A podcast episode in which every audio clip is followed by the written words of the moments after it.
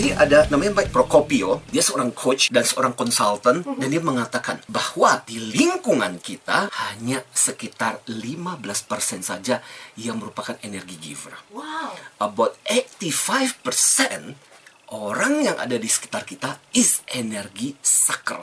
Orang yang menghabiskan energi kita dengan luar biasa. Yang disebut energi sucker itu tidak selalu harus orang luar. It can be somebody that very close to you. Orang-orang yang berada di sekitar kita. Ini bisa terjadi di tempat kerja. Dan ini juga bisa terjadi di rumah, di lingkungan kita. Itu yang kita perlu waspadai. Ada berbagai bentuk menghabiskan energi itu. Ada yang dengan komplain, ada yang dengan menghakimi, ada yang dengan menasihati. Jadi energinya didapat dengan menjadikan orang lain sebagai bagian dari korbannya dia. Bagi mereka adalah dunia adalah sumber daya untuk saya serap. Itulah energi buat saya and I don't care whether I, saya memberikan energi atau tidak. Makanya orang-orang ini kemudian menjadi nyebelin banget dan dijauhi akhirnya. Jadi senyuman orangnya nggak tersenyum. Bayangkan wajahnya saja udah menyerap energi kita.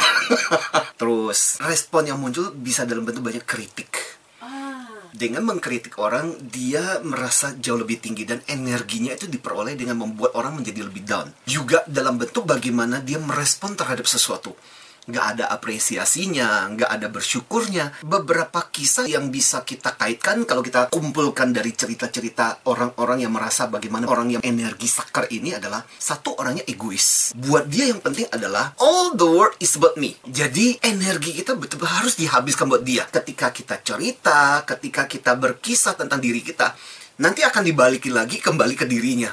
Punyamu mah nggak ada seberapa apanya lu tahu nggak apa yang gue alami? Balik lagi ceritanya. Ciri yang kedua yang juga dikomplain nggak care sama sekali. Selalu meminta perhatian selalu minta waktu.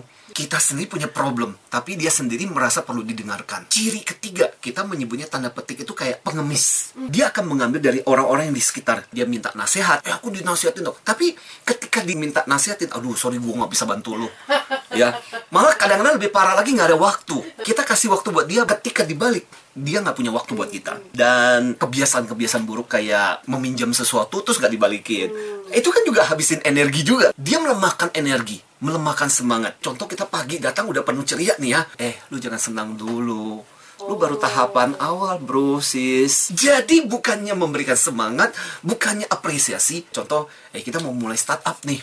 Eh lu tahu nggak berapa startup yang gagal Lo terlalu optimis lu. Yang menarik adalah ketika kita mengidentifikasi menganggap dia itu energi saker, dia mengatakan enggak, aku ini korban. Kalau di dalam psikologi itu kan ada yang namanya the dark triad. Tiga sekawan kelam. Tipe personality yang paling menghabiskan energi. Tipe Machiavellis yang menghalalkan segala cara untuk mencapai tujuan. Tipe yang kedua adalah narsisistik yang dunia ada untuk memuja saya. Dan yang ketiga adalah yang kita sebut psikopat atau sosiopat. Wah ini sadis. Dia menikmati penderitaan orang lain dia dapat energi dari situ. Makanya tiga sekawan kelam ini kemudian diidentifikasi sebagai orang-orang sakit. Nah celaka nggak kalau sampai ini berada pada diri satu orang gitu? Orang-orang yang energi sakit ini sebenarnya actually mereka sendiri orang yang bermasalah. They think energiku harus diperoleh dengan cara mengkritik dengan cara membuat diriku dikasihani, dengan cara menyerang orang, dengan cara berkeluh kesah, dan mereka merasa dengan seperti itulah aku akan dapat perhatian dan energi, which is mereka salah. Mereka perlu belajar bahwa justru dengan membantu, mensupport orang-orang merasa nyaman, malah energi yang akan mereka peroleh akan semakin lebih besar.